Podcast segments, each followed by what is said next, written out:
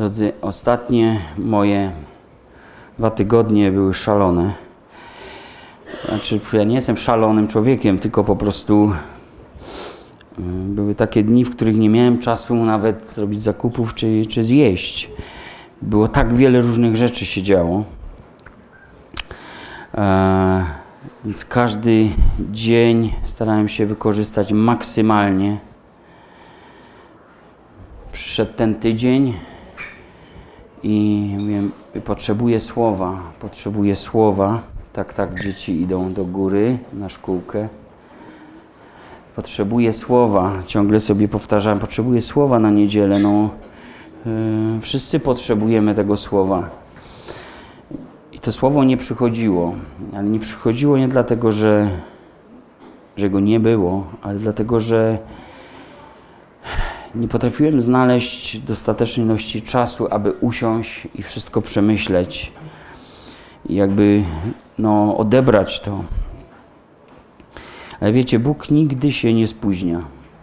Nie wiem, czy tego doświadczaliście, ale ja przez te dwa tygodnie doświadczałem tego, że, że Bóg się nie spóźnia, choć my czasem drżymy, kiedy przychodzi, jak to mówią, godzina W. Takich W miałem chyba, nie jestem w stanie policzyć ostatnio, ale Bóg się nie spóźnia. I nie spóźnił się z tym słowem. Mam nadzieję, że to jest coś, czego potrzebujecie i co jest wzięte od Pana. Otwórzcie Ewangelię Marka, szósty rozdział od 30 wersetu.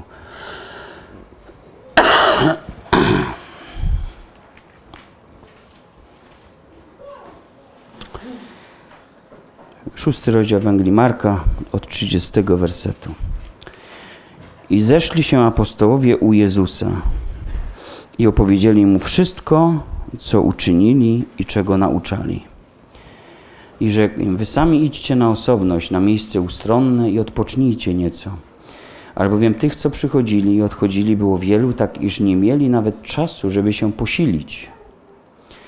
Odjechali więc w łodzi na ustronne miejsce, na osobność. Ale widziano ich odjeżdżających i poznało ich wielu i pieszo ze wszystkich miast tam się zbiegli i wyprzedzili ich. A wyszedłszy ujrzał mnóstwo ludu i ulitował się nad nimi, że byli jak owce nie mające pasterza i począł ich uczyć wielu rzeczy. A gdy już była późna godzina, przystąpili do niego uczniowie jego i rzekli, miejsce jest puste i godzina już późna, odpraw ich, aby poszli do okolicznych osad i wiosek i kupili sobie coś do jedzenia. A on odpowiadając rzekł dajcie wy im jeść.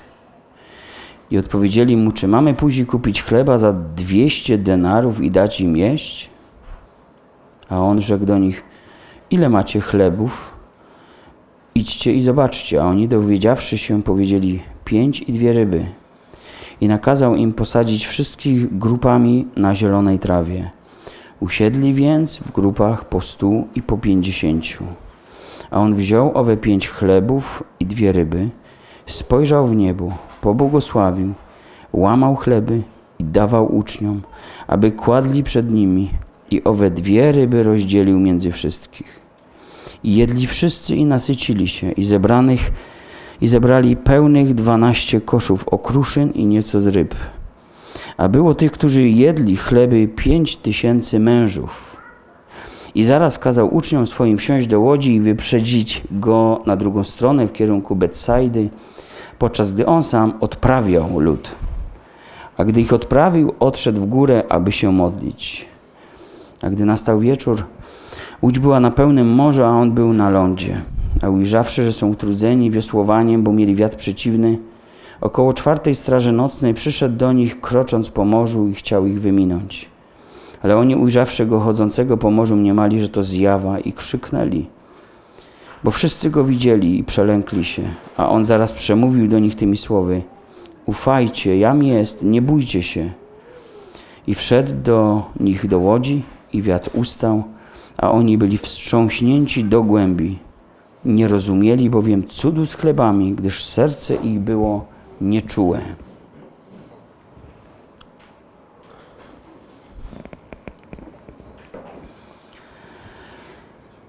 W Wróćmy do początku. Z Ewangelii Łukasza dowiadujemy się o wielkiej radości uczniów, kiedy wracają z, z misji. Jezus wysłał ich, są zaskoczeni sukcesem, pomyślnością i słowa jakoś do, potrafili dobrać te właściwe i reakcja była tłumu taka, jak, jakby sobie tego mógł każdy przemawiający życzyć. Mało, demony, złe duchy ustępowały. No działy się takie rzeczy, że naprawdę byli oszołomieni tym sukcesem. Było wiele radości. I Ewangelia Łukasza mówi tam, że Jezus, kiedy to zobaczył, kiedy ich widział, przerwał tą atmosferę i powiedział im: Nie z tego się radujcie, że demony były wam podległe, ale z tego, że wasze imiona są zapisane w księdze żywota. Tam być może jeden przez drugiego opowiadał, co uczynił i co przez jego posługę się wydarzyło. I to mogło wyglądać tak, że się licytowali z tymi swymi osiągnięciami. Jeden miał, jeden był w stanie przebić historię drugiego. To nic, co ty opowiedziałeś. Posłuchaj, co mnie się wydarzyło. I to był swoisty, wiecie, tak naprawdę początek ich rywalizacji, e, początek tej, tego współzawodnictwa o prymat. Kto to z nich jest największy? W Ewangelii Łukasza, 17 rozdział, 10 werset, jednak czytamy bardzo wyraźnie o tym, kto to powinien i jak o sobie myśleć. Otóż Pan Jezus powiedział tak: Tak i wy, gdy uczynicie wszystko, co wam polecono, mówcie, sługami nieużytecznymi jesteśmy, bo co winniśmy byli uczynić, uczyniliśmy. Sługa, innymi słowy mówiąc, powinien znać swoje miejsce, powinien nie wynosić się wyczynami czy sukcesami, które gdyby tak popatrzeć od podszewki, to, to przecież nie zależą od niego. Wszystko, co oni uczynili, przecież nie uczynili swoimi zdolnościami, swoimi mocami, ale działała moc Pana Jezusa. On był tam z nimi, może nie krwią i ciałem, ale duchem był z nimi. On ich zaopatrzył, on ich wyposażył, on ich użył i odnieśli sukces. A więc każdy człowiek powinien znać jakby swoje miejsce w szeregu, kiedy mówimy o Bożych rzeczach, bo wtedy jesteśmy w stanie oddać rzeczywiście chwałę Bogu, a nie te zasługi przypisywać sobie choćby w jakiejś części. Pan Jezus, kiedy więc już może okrzepli z tej euforii, a widzimy, że ciągle jacyś ludzie przychodzili, ciągle jacyś ludzie wychodzili, że to się nie kończyło. Więc Pan Jezus powiedział do nich, żeby trochę odpoczęli kiedy ta adrenalina opadnie, kiedy te emocje zejdą trochę w dół, no zawsze pewnie macie tak samo, przychodzi jakieś znużenie, osłabienie z powodu długotrwałej, intensywnej koncentracji, pracy, służby, cokolwiek to jest, czy wędrówki. I gdy uczniowie wrócili z misji, no mogłoby się wydawać, że to jest koniec. Ale kiedy przyszli do Jezusa, okazało się, że on sam jeden może miał więcej pracy niż oni wszyscy pozostali. I gdy wrócili właśnie z misji, Pan Jezus zatroszczył się o ich potrzebę, zatroszczył się o ich potrzebę odpoczynku, o ich potrzebę posiłku, posilenia. Odesłał ich na puste miejsce, na gdzieś na odosobnienie, żeby mogli troszkę wytchnąć. No ale widzimy, co się stało. My dziś powiedzielibyśmy, że Jezus wysłał ich na taki krótki urlop. To słowo urlop jest nam dobrze znane, aczkolwiek kiedyś znaczyło coś innego. To urlop to pochodzi z niemieckiego i, i, i to tak zwany Urlaub.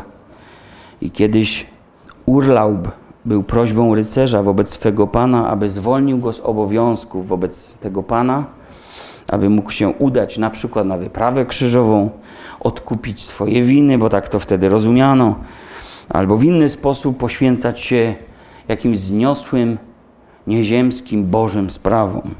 To był urlaub. No i prawdę mówiąc, rzadko kto taki urlaub ma. No, chyba, że ktoś wziął urlop i pojechał służyć na obozie chrześcijańskim. Ktoś wziął urlop i pojechał służyć na ewangelizacji. No to wtedy wziąłeś ten urlop, jak to z definicji wynikało. Dzisiejszy urlop to raczej poświęcenie czasu wyłącznie samemu sobie, żeby się zregenerować. I gdy urlopujesz, jest taka przestroga: nie zapominaj o Panu. Posilaj się fizycznie, ale również posil się duchowo. Ale widzicie tu, że ten urlop się nie do końca udał. Mieliście kiedyś taką sytuację na urlopie, że dzwoni do was szef albo ktoś z jakiegoś wyższego pionu waszej pracy i mówi, jest awaria, jest problem i nie ma innej osoby jak ty, żeby to rozwiązywać. No i przerywasz ten swój urlop. Dałby Bóg na godzinę, ale czasem człowiek musi z powrotem jechać do pracy. No i wasz urlop jest przerwany. Jak się czujecie? I tutaj widzimy, że uczniowie mogą sobie urlopować, a sam szef wszystkich szefów zajmuje się wszystkimi problemami. Jezus zobaczył, że ludzie są, że się zachowują jak owce, które nie mają pasterza. I on się ulitował nad nimi, użalił się. No i począł ich nauczać znowu, aż do późnego wieczora. I wiecie, to co dalej czytamy, to, to takie ludzkie. Uczniowie wydaje się, że troszczą się teraz o tych wszystkich ludzi bardziej niż sam mistrz. Mówią, pozwól im odejść. Czy nie widzisz, że oni mają teraz inną potrzebę? Nie potrzebują karmić się duchowym pokarmem. Teraz mają tą potrzebę, jaką my mieliśmy, kiedy nas tam odesłałeś na bok. Jest czas na nabożeństwo, a po nabożeństwie co? Jest czas na obiadek. I oby kazanie nie było za długie. Więc odpraw ich, zakończ, miej litość.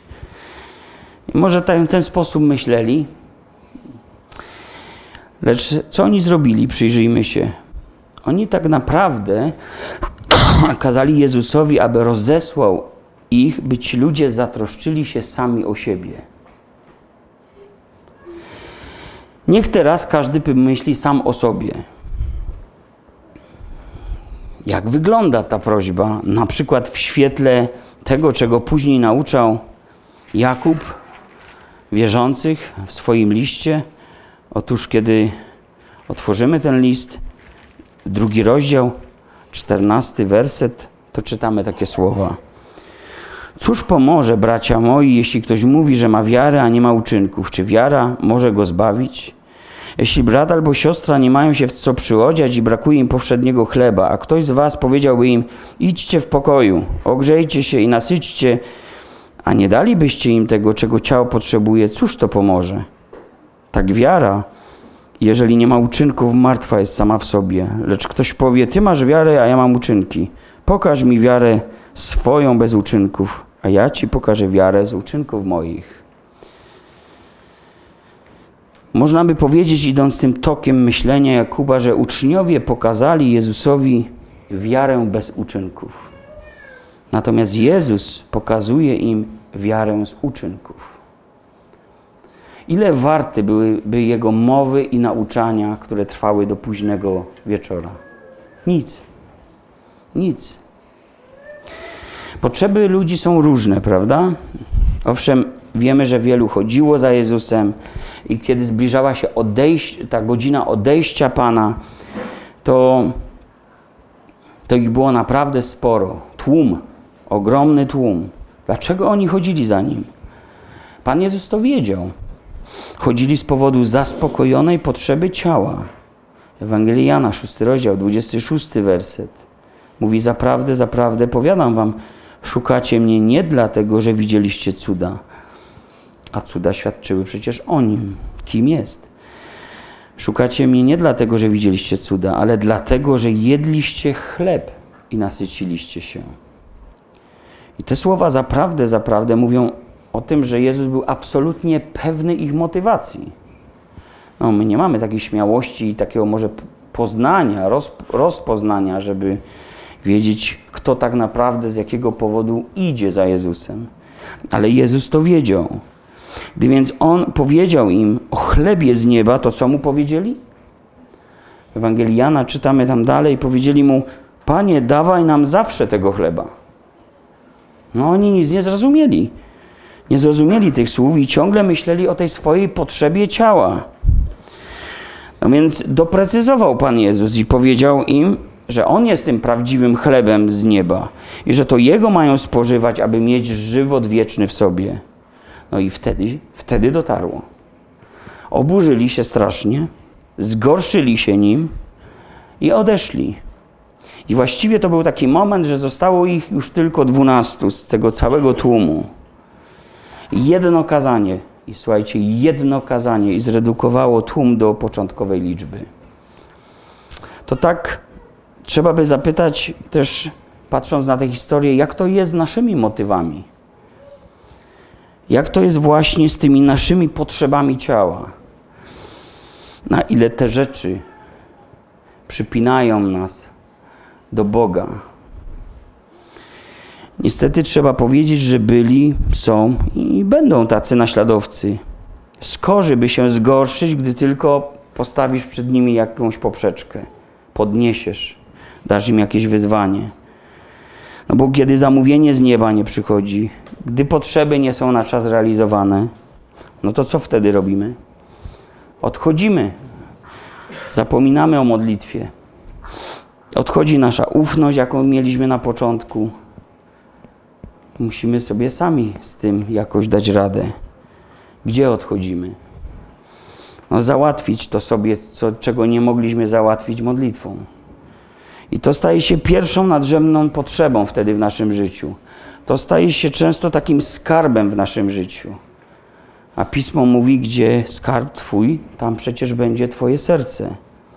I wiecie, mm, wczoraj miałem z kimś rozmowę i przypomniała nam się ta historia sprzed lat, ta tragiczna historia, kiedy na Śląsku, bodajże w Chorzowie, ta potężna hala targowa runęła, cały ten dach pod ciężarem śniegu, a w środku ta wystawa, wystawa gołębi.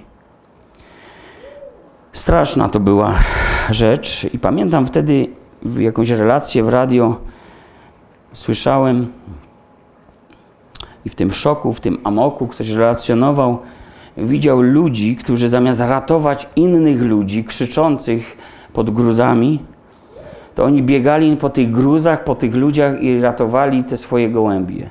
Próbowali złapać tego gołębia. I zobaczcie, gdy rozum zostaje wyłączony, zablokowany, bo my rozumem to co? My o sobie mamy dobre mniemanie, jesteśmy humaniści, My wrażliwcy jesteśmy, my krzywdy drugiemu nie dalibyśmy zrobić. I, I, o zwierzątka się zatroszczymy, i o ludzi się zatroszczymy, o wszystkich się zatroszczymy. Rozum. Ale kiedy do głosu przychodzi serce, a rozum mi zostaje zablokowany, to kiedy tam serce przejęło kontrolę, przynajmniej u niektórych, a gdzie jest skarb Twój, tam serce Twoje, to ludzie więc kierują się tym, co mieli w sercu, ratowali gołębie zamiast ludzi. Nie mieli serca do tych ludzi. To nie gołębie krzyczały, to ludzie krzyczeli z bólu. A więc zobaczcie, to co jest skarbem zawsze weźmie górę w takich sytuacjach. Dopóki jest fajnie, spokojnie, przychodzimy do zboru, jest praca, jest wypłata, wszystko się jakoś kręci. Humaniści jesteśmy.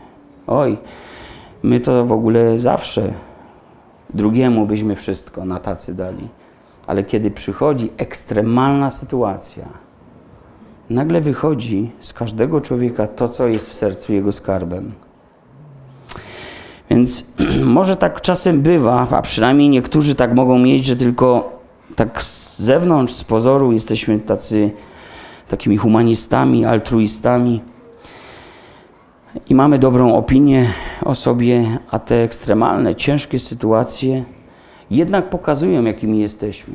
Przypomnijcie sobie te obrazki z wiadomości telewizyjnych, kiedy zaczęły się lockdowny, kiedy prawo i policja nie wystarczała i tłum ruszał na te wszystkie galerie sklepowe, hipermarkety, plądrowali, wynosili cokolwiek, sklepy były niszczone.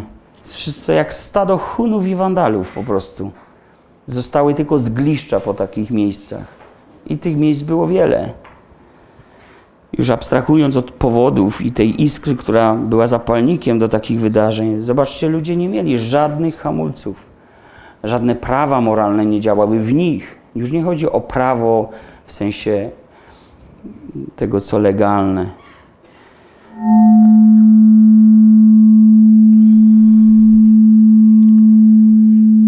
Może na obudzenie. Tu poleciało. Jezus tutaj, kiedy wracamy do tej historii, jednak chce zmienić myślenie uczniów. On chce zmienić myślenie uczniów. Z takiego myślenia typowego, ludzkiego, na myślenie nadzwyczajne, myślenie z perspektywy nieba. Więc zaczyna się dialog. Wydajcie im jeść. No, co można o tym powiedzieć? My to jesteśmy realistami, a to to jest chyba jakiś idealista. Chyba odleciał ze swoimi ideami za daleko, za długo był z ludźmi. Może ma tak wielkie serce, że nie jest w stanie po prostu zejść na ziemię i zobaczyć, że po prostu je, są gdzieś granice, za którymi już jest absurd. Jak to możliwe, żeby mając pięć chlebów i dwie ryby, sprostać takiej potrzebie? Tutaj Jezus ich trochę podpuścił, żeby sobie to policzyli. I zobaczcie, policzyli. Natychmiast się im włączył kalkulator. W innych historiach to tak liczyli od razu, bez wskazówki Jezusa. Więc zaraz pojawił się budżet, ile jest, ile brakuje. No i dział własnych potrzeb nas nie puszcza, aby sprostać potrzebie innych. I tak to jest z ludźmi, że drżymy, gdy nie widzimy zapasów. Drżymy, kiedy nie ma odłożone. Gdy mieliśmy, gdybyś, gdy mielibyśmy dzielić się takim ostatnim posiłkiem, bo na tych dwunastkę, biorąc pod uwagę, jakie to chleby były żydowskie i te dwie ryby, to, to taka, taki jeden posiłek. I kiedy masz przed sobą taki jeden posiłek, no to jak wygląda takie wezwanie, e, dajcie im jeść? A co miała powiedzieć uboga wdowa, kiedy wrzucała ostatni grosz do skarbony świątynnej? Dała wszystko, co miała. A to, co miała, oznaczało możliwość zjedzenia jednego posiłku. Już to mówiłem kiedyś, gdy tą monetę wziąłem do ręki, bo ktoś mi pokazał oryginał takiej małowartościowej monety, którą mennica wybiła taką ilość, że można w Izraelu je znajdować w oryginale. To jest to tak lichy stop, że kiedy to pewien gość rzucił na stół u mnie, to nie słychać było brzęku monety.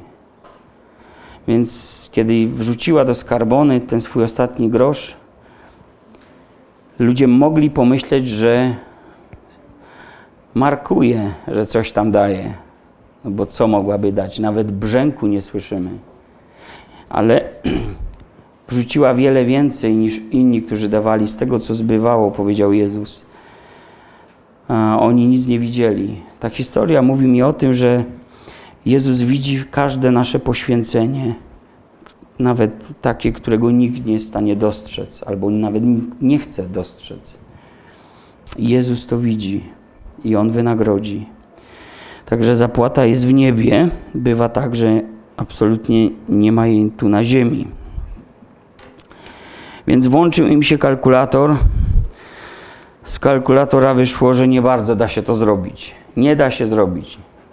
Gdyby ta historia się na Śląsku tutaj odbyła. Wiecie, co znaczy dla Ślązaka, że ktoś drugiemu nie da się. Tu nie ma, na Śląsku nie ma, że się coś nie da zrobić. U Ślązaków nie ma, że się nie da. Wszystko jakoś się da, tylko trzeba znaleźć sposób, żeby to zrobić. Więc znajdują sposób. 200 denarów. 200 denarów skądś trzeba wytrzasnąć. Nie mało. Tak na marginesie, no, wygląda na to, że tego nie mieli. I trzeba pójść do miasta. Trzeba nakupić żywności, czyli to jest tak, że Panie Jezu, dobra, da się wszystko zrobić, pomożemy, jak będzie z czego pomóc. Jak będzie kasa, to będzie cała logistyka, to po prostu wszystko zaaranżujemy, wszystko zaprogramujemy, nakarmimy tych ludzi. Zobacz, jakich masz uczniów. My szeroko myślimy. My wiemy, jak sprostać potrzebom. Oni mają wielkie plany. Oto tutaj za chwilę będzie rozpoczęta chyba największa wtedy w Izraelu akcja humanitarna, charytatywna, jaką widział Izrael chyba od czasów Eliasza. Mieli więc swój biznesplan na tą sytuację, taki biznesplan, który nie był do zrealizowania. Jezus też miał plan. By było łatwiej pomóc tym ludziom w ich potrzebie, podzielił ich na grupy. Wychodzi na to, że te grupy były po 50, po 100. Zastanawiałem się, po co ta informacja, bo w Biblii nie ma przypadkowych informacji. Ale popatrzcie, dzisiaj siostra powiedziała o coś ciekawego w świadectwie, że przyszła na grupę środową, bo jest mniej ludzi, mniej stresu. Można się czegoś o sobie dowiedzieć, można z kimś porozmawiać. Jak jesteśmy w dużej grupie, to ilu z Was wychodząc z kościoła wie, że z kimś nie porozmawiało? Inną sprawą jest, czy o to dbamy, bo powinniśmy mieć taką troskę, ale, ale to jest po prostu niewykonalne. Ale w małej grupie można jakby do wszystkich dotrzeć z przesłaniem, mieć, jak to mówią Anglicy, feedback, czyli informację zwrotną, jak ktoś odebrał tą sytuację, czy to przesłanie.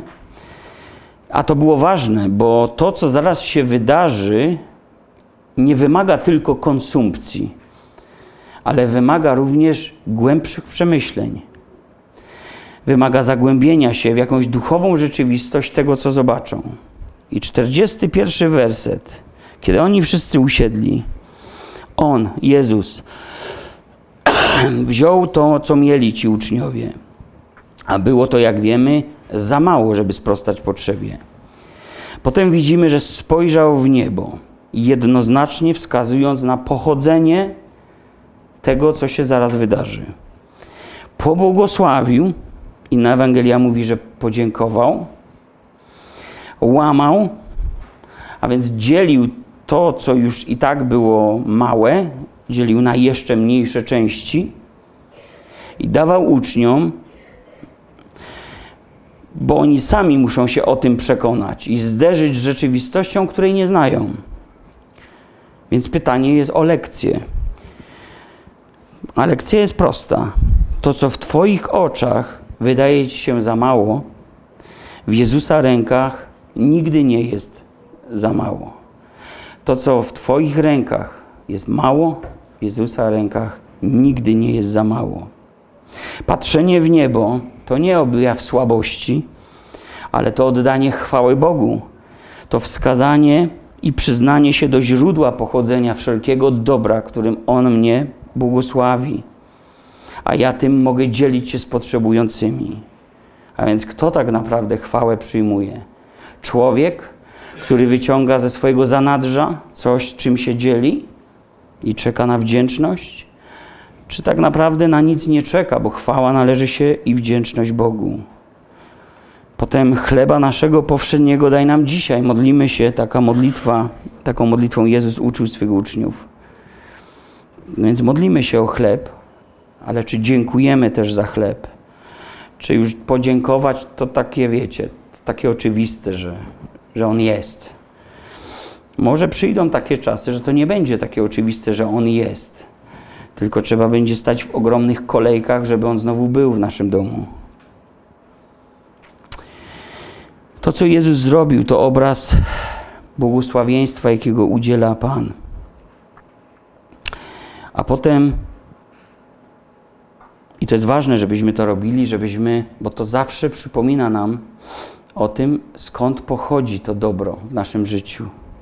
Nie z naszej kieszeni, choć musimy płacić z, z własnej kieszeni, ale to dobro pochodzi jednak od Boga. I potem było to łamanie. Łamanie tego, co moje, by się podzielić. To jest miłość w praktycznym wykonaniu. I wiecie, kiedy snułem się gdzieś tam, załatwiając różne sprawy e, w ten weekend, będąc w Ruptawie, bo, było zakończenie szkoły misyjnej, e, gdzieś z kuchni dobiegł mnie taki głos.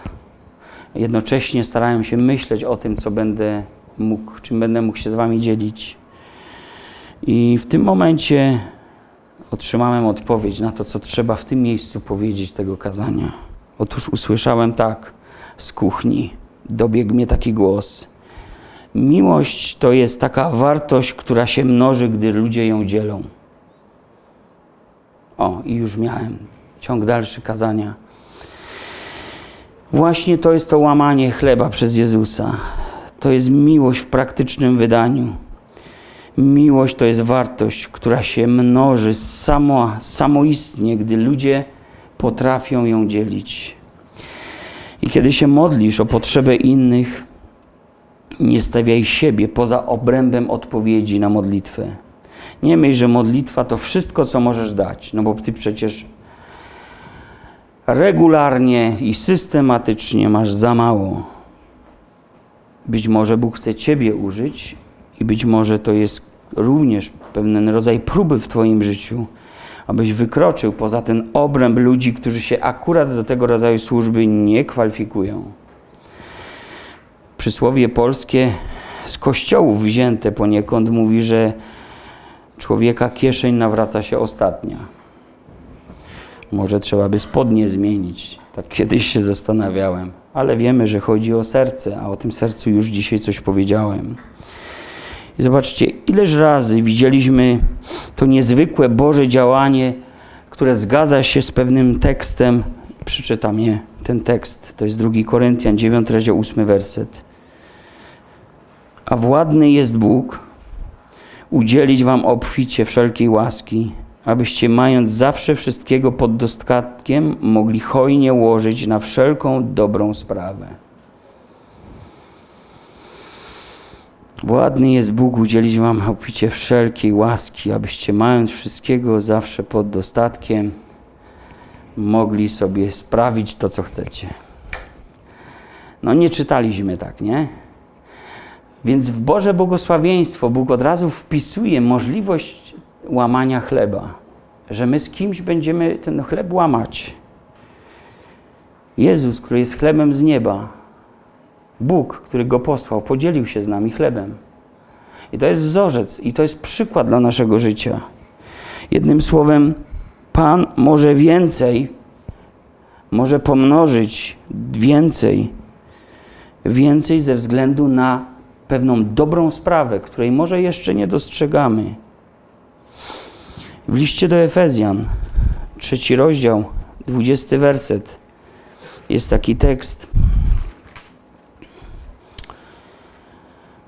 Temu zaś, który według mocy działającej w nas potrafi daleko więcej uczynić ponad to wszystko, co prosimy albo o czym myślimy, temu niech będzie chwała w Kościele i w Chrystusie Jezusie po wszystkie pokolenia na wieki wieków. Amen. Po wszystkie pokolenia, czyli włączając to mnie i Ciebie, nasze pokolenie, temu, który potrafi więcej. Daleko więcej czytaliśmy. Jak daleko więcej? Więcej niż prosimy, daleko więcej niż myślimy. Ten krótki tekst mówi mi o tym, że mam się mądrze modlić, nie stawiając granic dla siebie ani Bogu, nie stawiając granic komuś, kto działa bez granic. A więc módlmy się mądrze, nie myśląc, że Bóg, Bóg może wymyślić tylko to sami, co sami wymyślimy i co wypowiemy w modlitwie. On nie zna granic.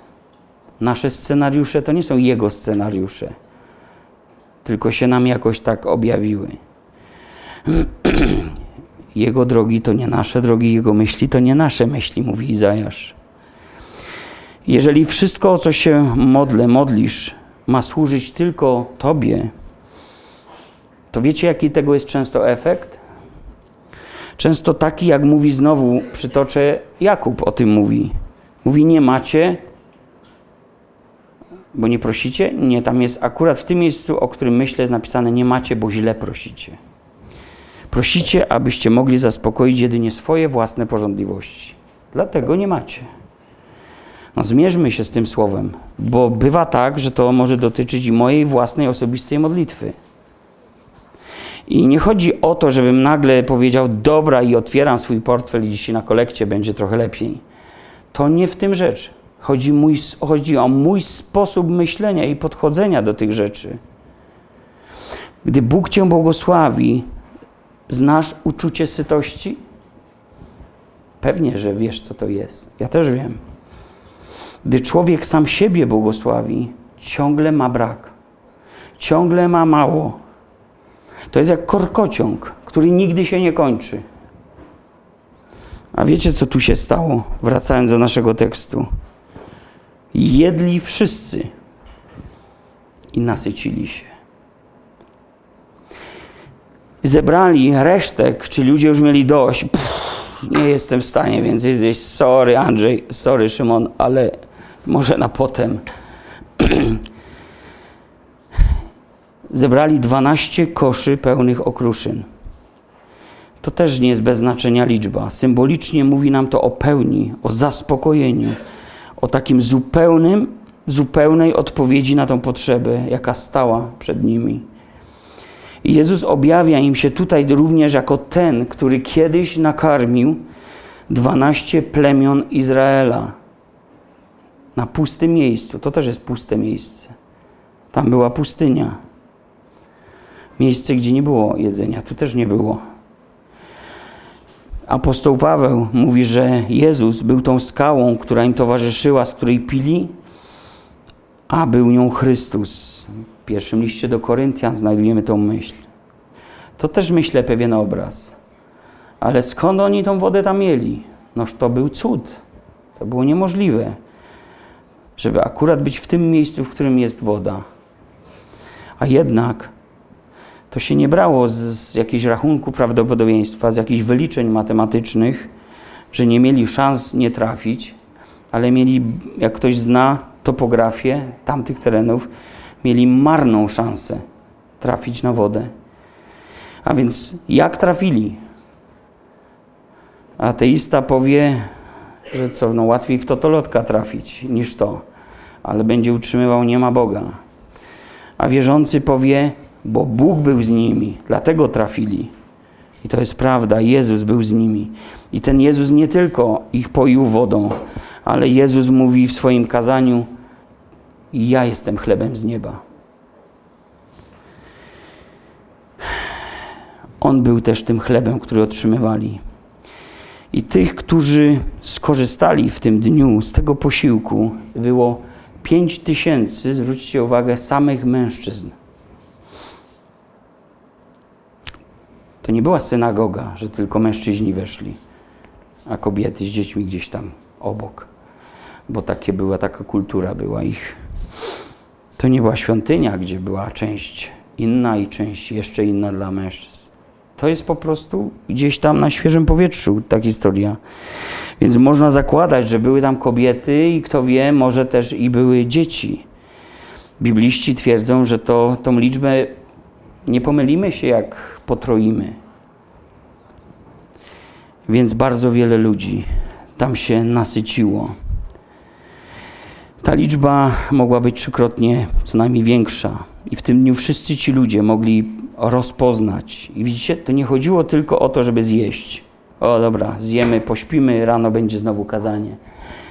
Chodziło o coś więcej, aby oni mogli rozpoznać, kim jest Jezus. W tym dniu, żeby mogli odkryć, że On się nimi jest w stanie zaopiekować, że On jest w stanie ich zaopatrywać, że On jest w stanie odpowiadać na ich potrzeby, że On może być odpowiedzią na ich braki. Czy znasz takiego Jezusa? Czy może liczysz do tych 200 dolarów i taki jest, taki jest Twój sposób myślenia? Czy znasz takiego Jezusa? No więc zobaczcie, na koniec jest jednak taka gorzka nuta w tej całej historii. Już nie będę opisywał tego, jest kolejne zdarzenie na morzu. Mm. Oni są sami na łódce, jest wiatr przeciwny. Jezus też użalił się nad nimi, więc zbliża się, idąc po wodzie. To jest kolejny cud mówiący o tym, że On ma moc nad wszelkimi żywiołami. Zresztą nie jedyny cud na morzach, który dokonał. Oni są przerażeni, myślą, że to jest zjawa. Jak marynarze zjawy widzieli, to już mówili, to już po nas, to już jest koniec. Takie rzeczy to widzą tylko umarli albo tuż przed śmiercią. Więc krzyknęli, wystraszyli się, a Jezus im mówi: Ufajcie, jam jest, nie bójcie się. I wszedł do nich, do tej łodzi, i natychmiast wiatr ustał. I co powinni byli być wdzięczni, radośni? E, oni byli wstrząśnięci do głębi. Ale zobaczcie, ten stan emocjonalny, w którym byli, jest jakby no, opisana, tu pozostawiona przyczyna. Oni nie rozumieli cudu z chlebami.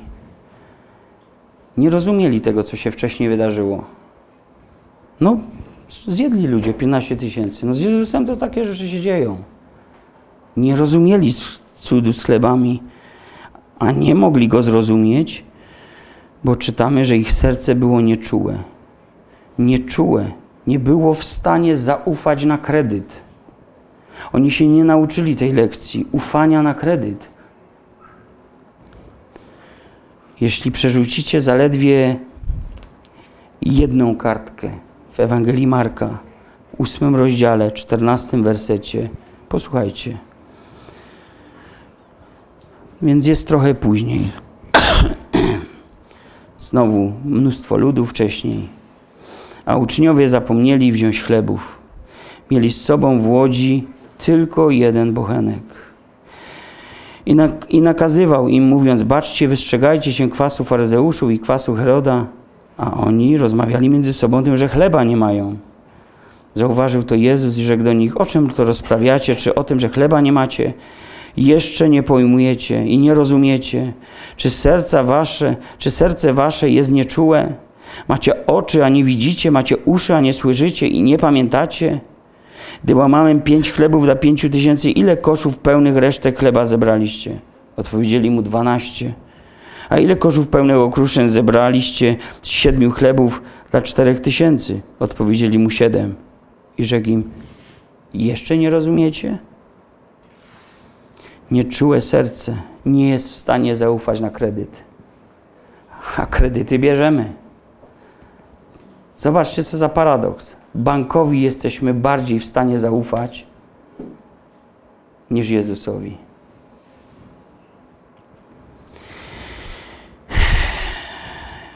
Taka jest siła wiary uczniów w tamtym momencie, w tamtym czasie. Widzimy, że natychmiast im się włącza asystans, myślenie magazynowe.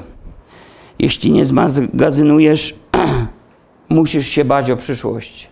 Bój się człowieku. Nie przyjmowali kolejnych duchowych lekcji, nie byli w stanie już nic zmieścić.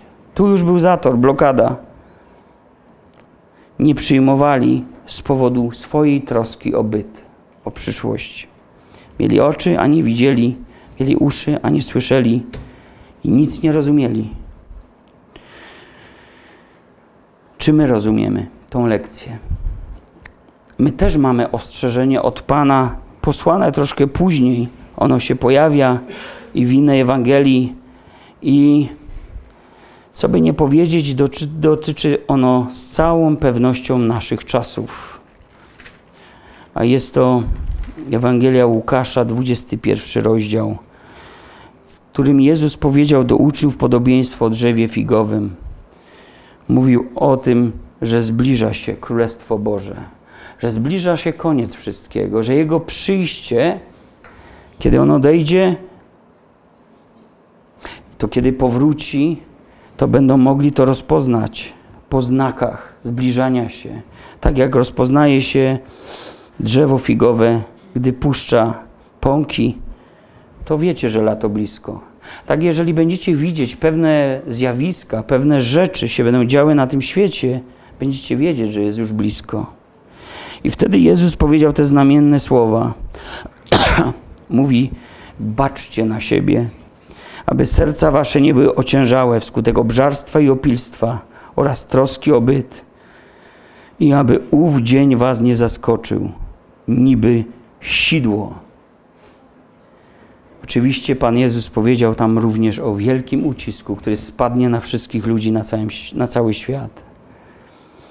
I tutaj mamy tą wieść o tym poprzedzającym koniec i przyjście Pana czasie. Troska o byt oraz konsumpcja zajmą najważniejsze miejsce wśród ludzi. Jezus mówi, że to może stać się dla wielu sidłem. Że to będzie tak mocne i tak silne i taki mocny wstrząs to może być i jesteśmy w stanie w naszym czasie sobie już to wyobrazić, że to pochłonie ludzi. Sidło, jak cię złapie, to jesteś złapany. I zobaczcie, niech ta lekcja rozmnożenia chleba i ta nieczułość uczniów pomoże nam zobaczyć tą duchową rzeczywistość. Jeśli nie zrozumiemy lekcji z chlebami, my już nic więcej nie rozumiemy. My tylko mamy nabitą głowę wiedzą teologiczną.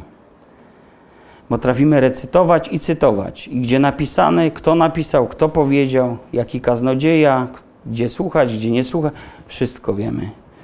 Ale już w tym miejscu tylko jesteśmy. Cały czas przy rozmnożeniu chleba. Więc niech ta lekcja rozmnożenia zmiękczy nasze serca i, i zrobi je czułymi. Pamiętajmy, że nie jesteśmy sami. Jezus jest z Tobą, więc nie bój się. Diabeł mówi, co już dzisiaj powiedziałem raz. Diabeł mówi: bój się. Bój się, gdy patrzysz na swój debet. Bój się, kiedy idziesz spać. Bój się, kiedy rano wstajesz. Bój się, kiedy kieszeń pusta. Bój się, gdy nie wiesz, czy będzie praca. Bój się, kiedy nie widzisz zapasów. Bój się, kiedy twój magazyn nie jest pełny. Ty się, człowieku, bój i bój i każdego dnia miej się czego bać. To jest przesłanie diabła na ten czas. Przesłanie Jezusa. Nie bójcie się. Dana mi jest moc na niebie i na ziemi. Ja jestem z, z wami aż do skończenia świata. Tak kończy się Ewangelia, prawda? No to niech to nam zostanie w sercach. Niech to zmiękczy te nasze serca, abyśmy nie, nie stali w miejscu i ciągle patrzyli na to rozmnożenie i nie wiedzieli o co tam naprawdę chodzi. Niech Bóg pobłogosławi swoje słowo w naszym życiu. Amen.